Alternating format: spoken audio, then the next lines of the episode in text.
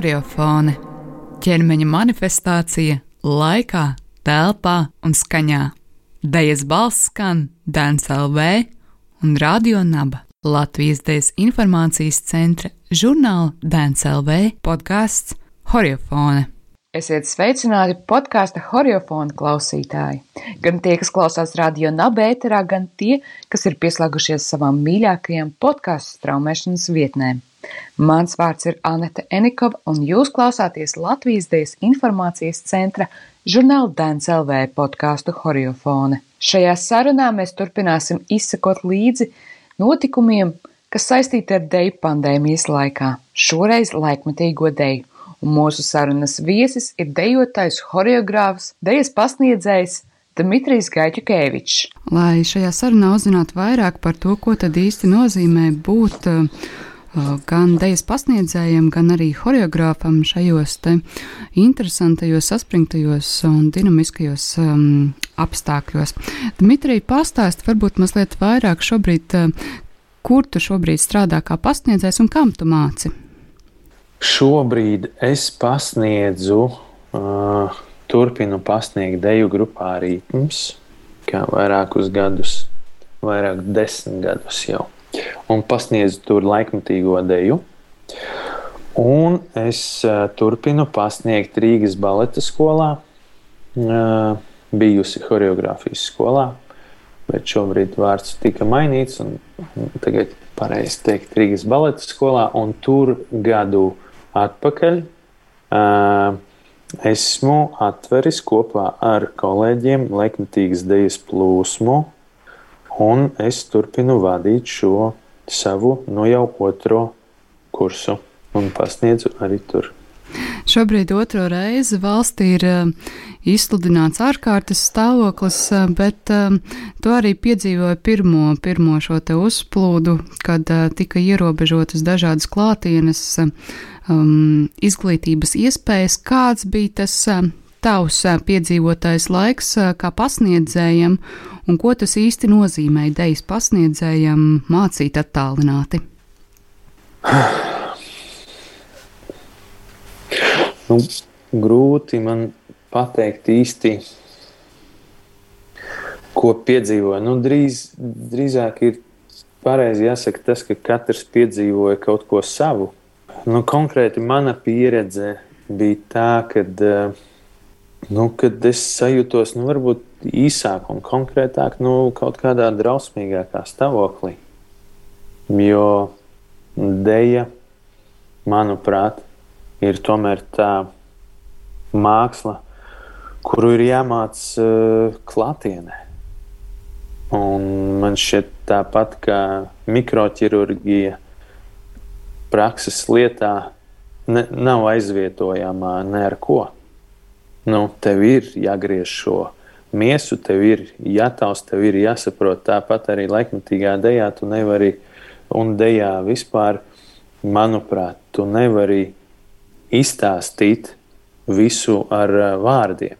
Jo īpaši par laikmatīgo deju runājot, ir ļoti daudz neverbāls, kas ir sajūtas, kas ir ķermeņa kaut kāda atdarināšana pēc, pēc kaut kādiem impulsiem, pēc kaut kādām pedagoga un izpildītāja, jeb audzekņa sajūtām. Es saprotu, kas ir aktuāls. Es sajūtu viņu, sajūtu viņa piekusumu, sajūtu viņu, viņa stāvokli, sajūtu viņu veselu un klātienē. Un tad es, es rīkojos ar viņu, es pielāgojos viņiem, es, es speciāli provocēju, ska, skaļi pateiks, provocēju, bet arī daļai provocēju viņus.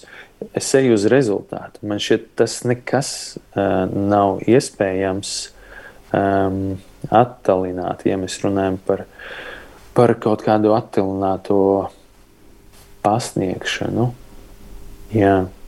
Jā, man šķiet, ka tas ir, tas ir, mm, tas ir kaut kā salīdzināms varbūt ar mikroķirurģiju, tā asiņainas salīdzinājums, bet nu, nevar sēdēt mājās vienā vietā un audzēt puķis otrā vietā. Ir brīži, kad ir jānāk un jāliek puķis, un tikai tad viņas augs. Jo savādāk nu, tas viss ir kaut kā, kaut kā tā. Un Jā. tad, ņemot vērā no šos te nepieciešamības pasniegt stundas attālināti, tad tas notika video formātā, mājas darba formātā. Kāds bija tas izvēlētais scenārijs, lai, tas, lai šīs nodarbības tomēr notiktu?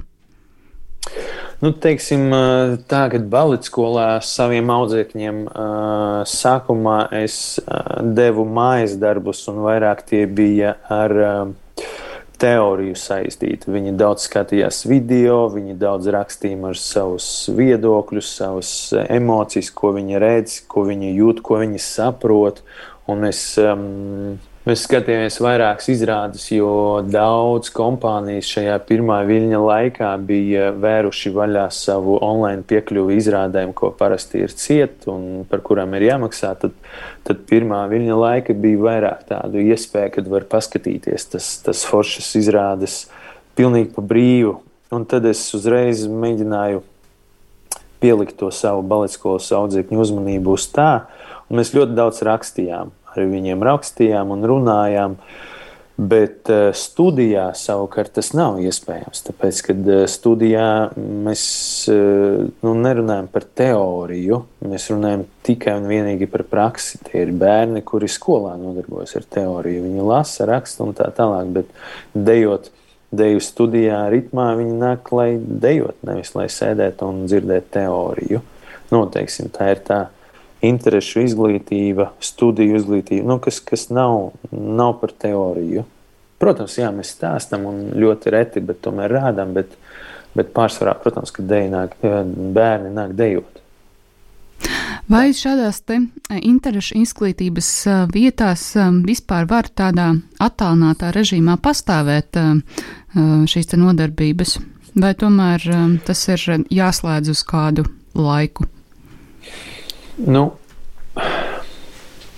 ir jāslēdz. Jā, nu, jāslēdz ir, ir vieglākais no šiem lēmumiem, bet uh, jautājums ir jāuzdod sekojoši, vai pēc tam, kad ļaus strādāt, vai mēs spēsim atvērties.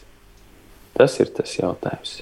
Šobrīd uh, ir, nu, mēs saprotam, ļoti daudz zemūdens akmeņos ar īrēm, ar saimniekiem, ar cilvēcisko faktoru, kuri nāk pretī un samazina īres maksu, kuri nenāk pretī un nesamazina īres maksu, bērni, kuri tik līdz pāriet uz attālināto mācīšanos, uzreiz prasa, vai īres maksa tiks samazināta. Nu, tie visi zemūdens akmeņi, kas, kas nogalina šo studijas eksistēšanu. Un, ja šobrīd, protams, pedagogam katram no mums, man, manuprāt, ir vieglāk pateikt, mēs esam cieti. Visi, jo mēs katrs saprotam, ka ne par kādu rezultātu šajās, um, šajos apstākļos mēs, mēs ne, grūti runāt šajos apstākļos par rezultātu. Un, un, jā, mēs varam aiztaisīties, bet ko tad, ko tad mēs darīsim pēc tam? Ko cilvēki, kuriem tas ir vienīgais spēļņas avots, ko viņi darīs? Vai viņi spēs atvērties, vai tie bērni atnāks atpakaļ, vai vieta, kur viņi pasniedz un īrē, viņiem tiks piešķirta atpakaļ? Nezinu. Tā, tā, ir, tā ir milzīga problēma. Protams, būs, būs cilvēki viennozīmīgi, es domāju, ka atradīsies tādi. Nu, kuri, kuri atradīs kaut ko labu arī šajos, šajā stāvoklī, šajos apstākļos. Un, protams, ka dejas kaut kādā mazā kripatiņā, pateicoties tam covidam un, un visam tam, es arī atradu savā dejas pasniegšanas metodikā kaut kādas mazas lietas, nianses, kuras es man šeit neatrastu, ja nebūtu, ja nebūtu šie apstākļi. Bet uh, es nezinu, nu, kaut kā bez tam es arī iepriekš biju izticis. Man šķiet, ka nu, nav nekas traks. Ja viņus es arī neatklātu, un nebūtu nekā tā. tā kā... Vēl pirms um, labajām lietām, ko mēs varam mēģināt atrast um, šajā stāvokli. Jāpievērš tam, ko tu jau sāki minēt par to, ka tādās interešu izglītības vietās, nu, labi, viens ir šis jautājums par valsts izglītības iestādēm, kur, uh, kur valsts tomēr saglabā, bet par šīm te, nu, tādām studijām kā ritms, vai jūs sajūtat arī kaut kādu uh, valsts atbalstu vai vispārēju atbalstu, un uh, vai tas ir kaut kas reāls? Nu, nezinu kāds, kā, nu, es, ne, es nejūtu visdrīzāk, kad būtu jāprasa ritma vadītāji par to Elīnai, vai viņa izjūt, jo tomēr viņa ir studijas vadītāja. Bet es nejūtu nekādu atbalstu. Un es domāju, ka es, protams, negribu teikt par vairākām citām studijām, bet mums bija pedagoģu kursi apmācības, kvalifikācijas ar ļoti daudziem cilvēkiem. Mēs esam tikušies un runājām. Nu, nu nē, nu man šķiet, ka šajā situācijā izņemtirēšu izglītība nu, neizjūt nekādu valsts tādu stipru atbalstu. Mēs neietu piketēt, ja mums neliektu mācīt bērniem, ja viņi mums ļautu ar visām, ar visām ierobežojumiem, noteikumiem, ar visu to īstenošanu, ne, bet to noteikumu izpildīšanu, kā tas pareizi pasakā. Jā, ievērojot visus šos noteikumus, kas jāievēro. Tieši tā, jā. Ja viņi mums ļautu, mēs to darītu. Un ticiet, man bērni arī to grib, un vecāki to grib. Bet nu, mums neļauj, mums, mums aiztais. Protams, tas, tas bija par, par, par tiem bāriem un par, par uh, dzeršanu barā drīkst un dejot nedrīkst un sportot nedrīkst. Tas ir no vienas puses, tas viss, protams, ir mm, absurds, bet uh, nu, šajā gadījumā, protams, es arī skatos uz tiem cilvēkiem, kuriem uh, tas ir cits amats, cits darbs, es esmu no vienas puses priecīgs, ka vismaz viņiem var Viņi var eksistēt, viņi var dzīvot un pelnīt un tā. Bet, eh, nu, tad, ja viņiem var, tad, protams, ir loģisks jautājums, kāpēc mums nevar ievērot visu šo pašu. Jā, cilvēki, kuri saka par tiešo kontaktu, par nezinu, sviedriem un tā tālāk, par to, ka uh, kontakts ir neizbēgams. Nē, tas viss ir izbēgams un ievērojams. Profesionāli cilvēki pedagoģi, kuri pasniedz ilgus gadus, mācās visu šo ievērot ar tām limlentēm, ar divu metru distanci, ar maskām, ar uh, to, ka viena grupa aiziet ātrāk, tiek visi izvedināts, otra grupa nāk vēlāk. To visu var izdarīt, ka ir uh, jāatļauj. Bet visdrīzāk man šķiet, ka šobrīd mums cilvēkiem, kuri to liedz, nav laika, nav gribas, nav vēlmes un intereses nākt un pārbaudīt studijā to, ka viņa var strādāt. Vieglāk, kā mēs jau nospriedām, ir aiztaisīt ciet vai aizliegt. Tas ir uzreiz, tas ir ātrāk un tas ir drošāk. Ja mēs runājam par cīņu ar eh, covid, protams, jā, mums ir jārīkojas ātri, ir, bet negribu runāt par vispār par to situāciju, par covid un tā tālāk. Gribās runāt par dzīviem cilvēkiem, reāliem, kuri, kuri strādā vai drīzāk kuri nestrādā tagad. Un, un, jā, un, un man šķiet, ka mēs varētu to izdarīt. Un es esmu pārliecināts, ka mēs varam to izdarīt. Bet nu, valstī ir cits, citi noteikumi. Vai šādu, jā, vai šo te. Mm, epidemioloģisko noteikumu ievērošana taču strādā arī valsts iestādēs. Nu, Tātad horeogrāfijas skolā tā strādā. Pilnīgi pareizi. Pilnīgi pareizi.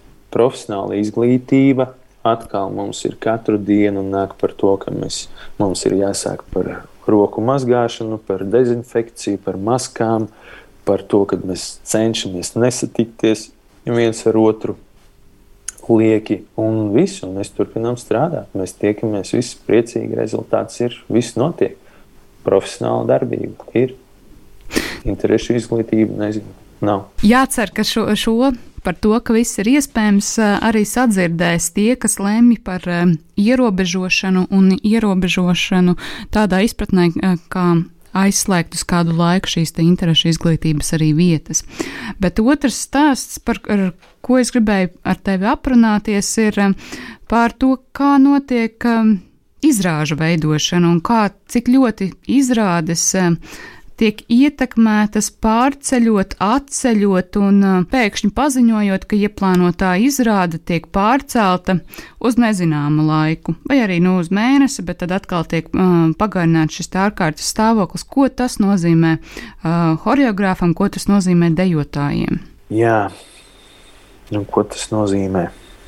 Nu, tas nozīmē, ka nu, tev nebūs arī naudas uz doto brīdi. Visdrīzāk. Tas ir viens. Varbūt ne pats pats svarīgākais par māksliniekiem runājot, bet nu, katram māksliniekam arī ir jāēd. Un tāpēc nauda ir šis svarīgs faktors, finanses. Otra lieta ir par kaut kādu momentu. Ja mēs runājam par izrādes radīšanu, tad tas ir kaut kāds moments, pie kura mākslinieks ir gājis un kurš šobrīd viņam ir ļoti aktuāls. Un, ja izrādi, kā jūs jau minējāt, atceļas uz eh, kādu nezināmu laiku, pārceļās, pārceļās un pārceļās, tad eh, šis moments var aiziet.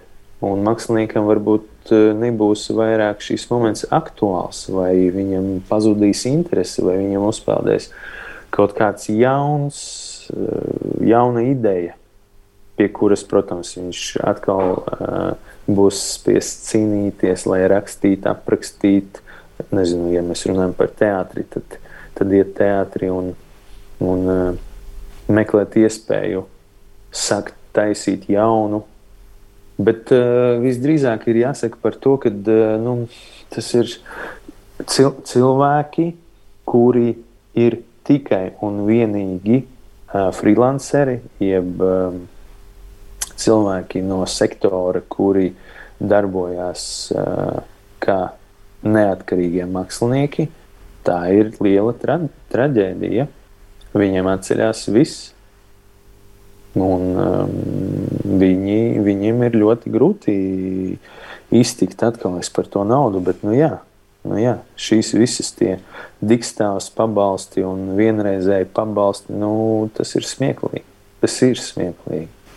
Cilvēks nevar izdzīvot par kādiem 300 eiro. Mēs runājam, ja tu iziesi mēnesī zem 300, tad tu vari pretendēt. Es atvainojos, mums ir kāda ir vidēja dzīvokļa īre Rīgā par dzīvokli. Ko es darīšu, ja es atdošu visu šo 200? Kā, nu, es nesaprotu, kā mēs tur rēķinām. Es negribu arī uh, līst tajā lietā, jo es neesmu nekāds ne finansists, ne cilvēks, kurš baigi saprot no visiem šiem aprēķiniem, bet no cilvēciskā faktora man šķiet, ka tas ir liels murgs. Un, uh, es nezinu, ko īsti dara šie cilvēki. Es nezinu, kā viņi iztiek. Vai viņi maina profesiju, vai viņi maina uh, savu avotu. Es nezinu, kā tas, kā, tas, kā tas notiek. Es esmu laimīgs, ka es esmu ne tikai brīvmākslinieks, bet strādāju arī valsts, uh, valsts sektorā un, un pelna naudu. Es nezinu, ko es darītu, ja man nebūtu, pieņemsim, ja mēs runājam jau tik atklāti. Es nezinu, ko es darītu un kā es izdzīvotu, ja man būtu tikai un vienīgi Rīgas baleta skolas darbs un nebūtu ritmas dēļ studija. Es ar vienu šo darbu nekad nevarētu um, teiksim, izdzīvot, eksistēt. Es nevarētu to izdarīt.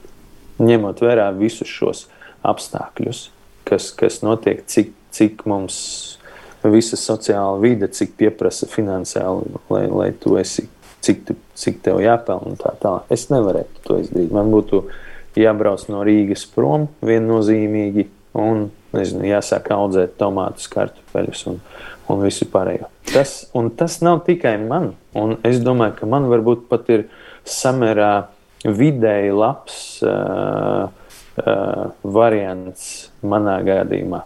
Un es domāju, ka cilvēkiem ir daudz trakāk. Tāpēc jā, nu, nu, nu, mēs esam spiesti šobrīd runāt par to, ka, mūs neatbalsta un mūs, mums, nezinu, vispār sapnis ir, sapnis ir strādāt un darīt. Un, nu, ļoti tāda viegla, primitīva, muļķīga doma, jo tu labāk to dari, jo tu arī vairāk, lielāku atalgojumu saņem.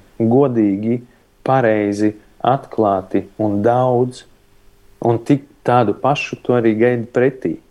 Nevis kaut kādu mahināciju, kur izskaita to, to, to un to, un tad tev lūdzu šī tik daudz tikai un tā.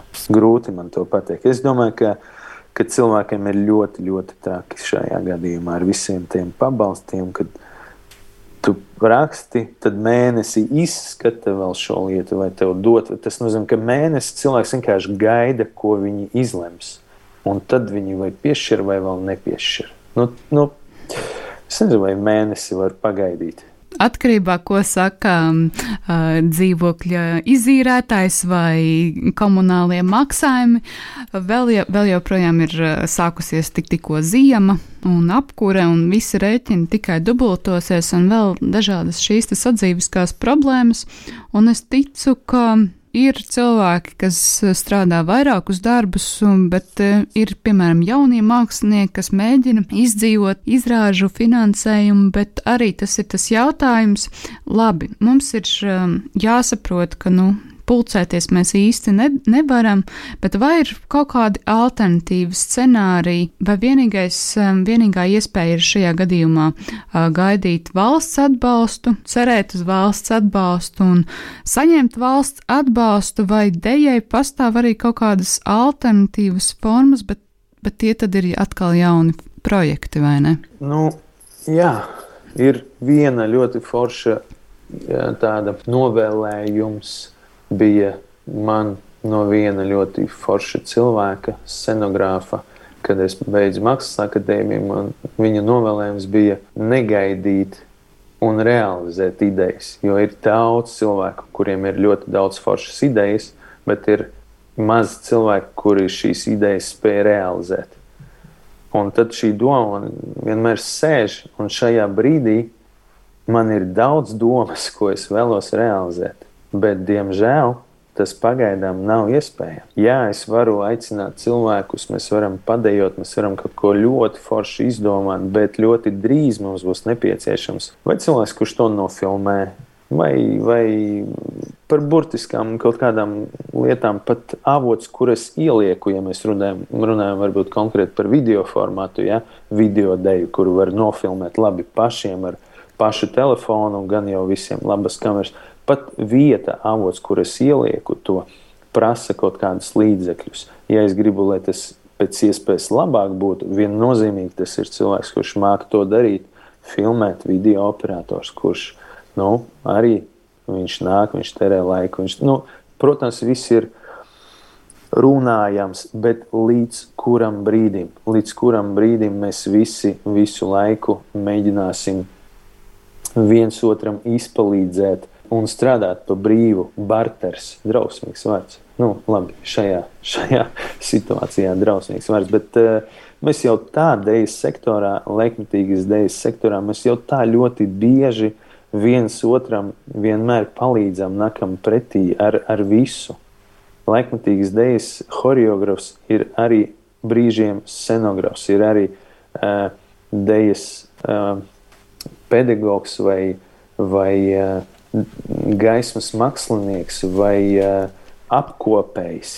Arī mēs, cik, cik es dejoju pie, pie um, vienas kompānijas, laikmatīgas kompānijas Latvijā. Nekad gandrīz nebija, kad mēs, uh, mēs braucam pa Latviju, gandrīz nekad nebija moments, kad mēs varējām atbraukt un aiziet sildīties, gatavoties. Mums vajadzēja uzlikt dēļas grīdu, mums vajadzēja palīdzēt, salīmēt, nomazgāt. Un tas nav tāpēc, ka eh, kompānijas vadītājs to gribēja.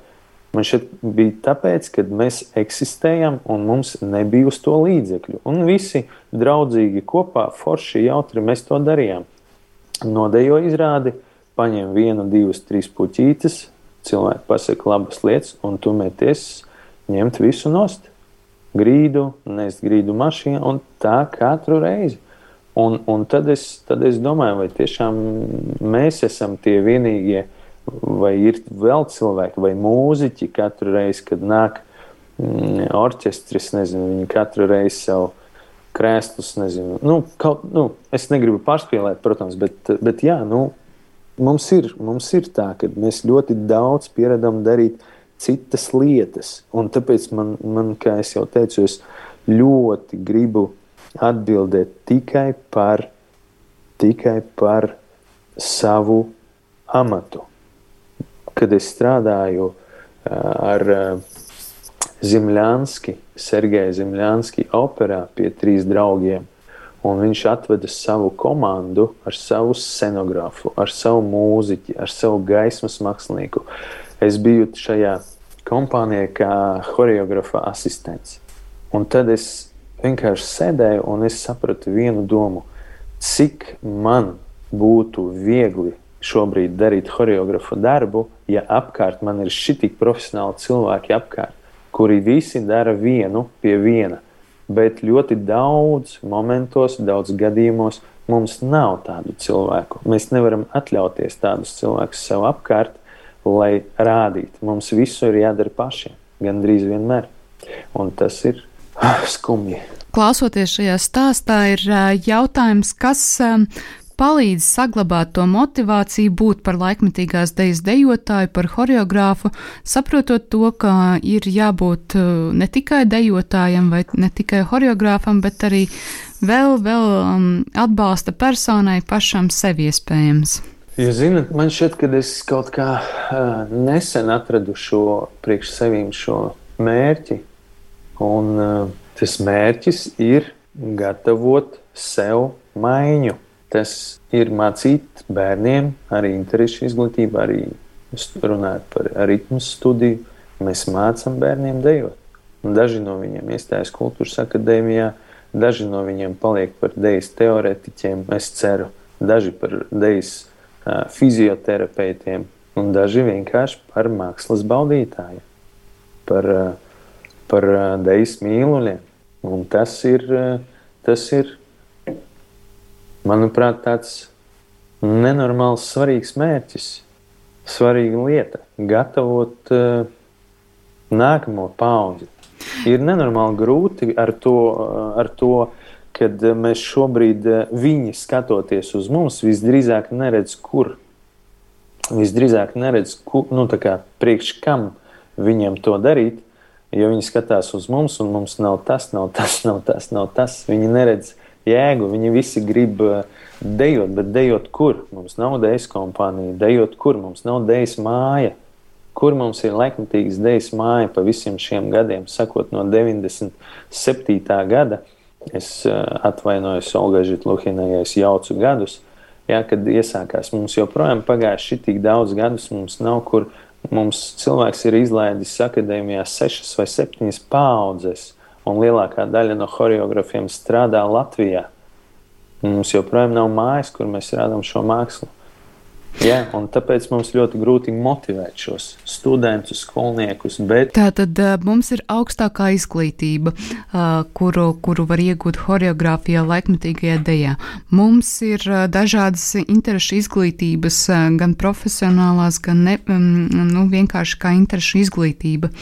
Mums ir izglītības un mācīšanās iespējas ir sakārtotas. Jūs esat burvīgi pasniedzēji, bet uh, kam ir jānotiek vai kam ir jāsadzird tas, ka mums vajag telpu, mums vajag vietu, mums vajag uh, iespējas? Nu, šobrīd man šķiet, mēs esam diezgan aktīvi šajā lietā, un mēs um, tiekamies un mēs runājam, un mums ir lieliska dejas padome, mums ir dejas asociācija, kur cilvēki nāk un runā. Nesen tika izveidota mūsdienu dejas asociācija, kur arī ir cilvēki, kuri pārstāv vairāk no mm, dejas kultūru, hip hop kultūru. Viņi ir apvieno, apvienojušies, viņi runā par saviem plusiem, minusiem un nepieciešamībām. Un, uh, mēs esam aktīvi, mēs runājam ar kultūras ministriju, mēs runājam ar cilvēkiem, kuriem ir jāsadzird šīs lietas. Mēs sakam viņiem, ka uh, izglītības uh, pakāpienos mums plus mīnus ir sakārtota šī lieta, sakot no uh, vidējās izglītības līdz augstākai izglītībai.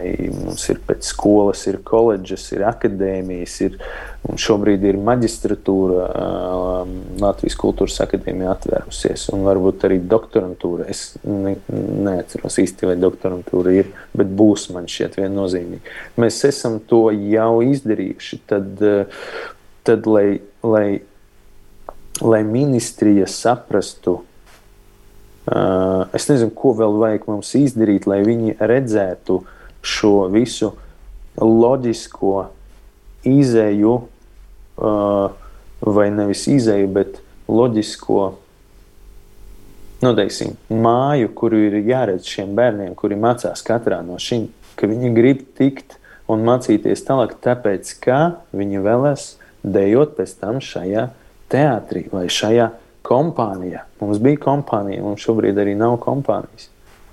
Nu, cik forši būtu, ka bērni zinātu, ka ir ne tikai Latvijas Nacionālā opera, kur ir dejas trupa, kur ir forši mākslinieki, viņi grib tur tikt, bet tā ir baleta skola. Bet būtu arī paralēli māja, kas ir, es nesaku, tikpat liela, cik Latvijas Nacionālā, kaut gan kāpēc ne. Un, uh, un viņi arī gribētu uh, tikt, ja ne baletā, tad rekur es gribu laikmatīgā dejā. Jo es gribu tā kā tur tajā kompānijā šīs dejotājas. Es gribu tā. Piemērs. Mums ir dejotāji, mums ir fantastiski dejotāji, izpildītāji. Mums vajag savu kompāniju, mums vajag savu māju. Es uzskatu, ka tas solis ir māja kompānija. Jo man šeit ja būs vieta, kur atradīsies cilvēki, kuri strādās un apvienosies kompānijā. Un būs, ja vien būs valsts finansējums. Ja.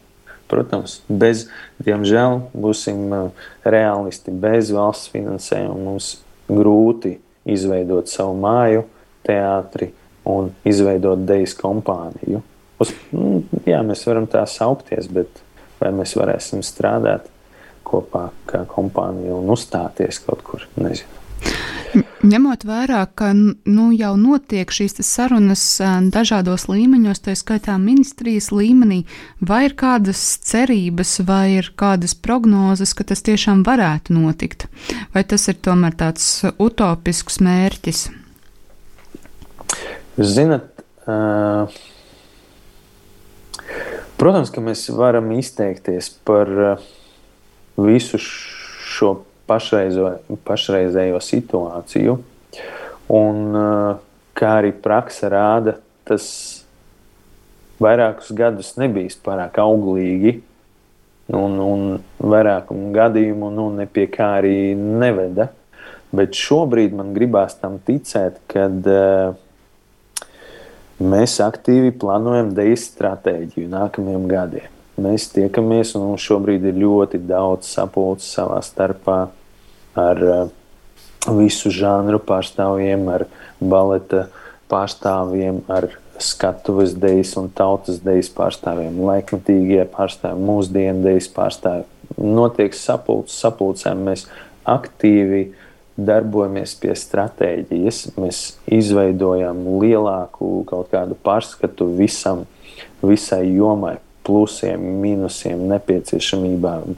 Šie teātri, šīs skolas, visu, visu tiek, uh, tiek sīki izpētīts un izrunāts, un mēs turpināsim arī šo darīt. Nu, es ļoti ceru, ka pie tā, ko mēs visu šo izveidosim, un tad dosim kā gala rezultātu savam, mēs runāsim par savām problēmām, ka šie cilvēki beidzot nu, sadzirdēs mūsu Un tikai mēs izdarīsim savu darbu, visu šo izanalizējot, kas ir nenormāls arī darbs, bet arī viņi sapratīs, ka nu, beidzot, nu, beidzot ir jādod, nu, beidzot ir jādara šīs lietas. Es ļoti, ļoti gribu tam ticēt. Jā.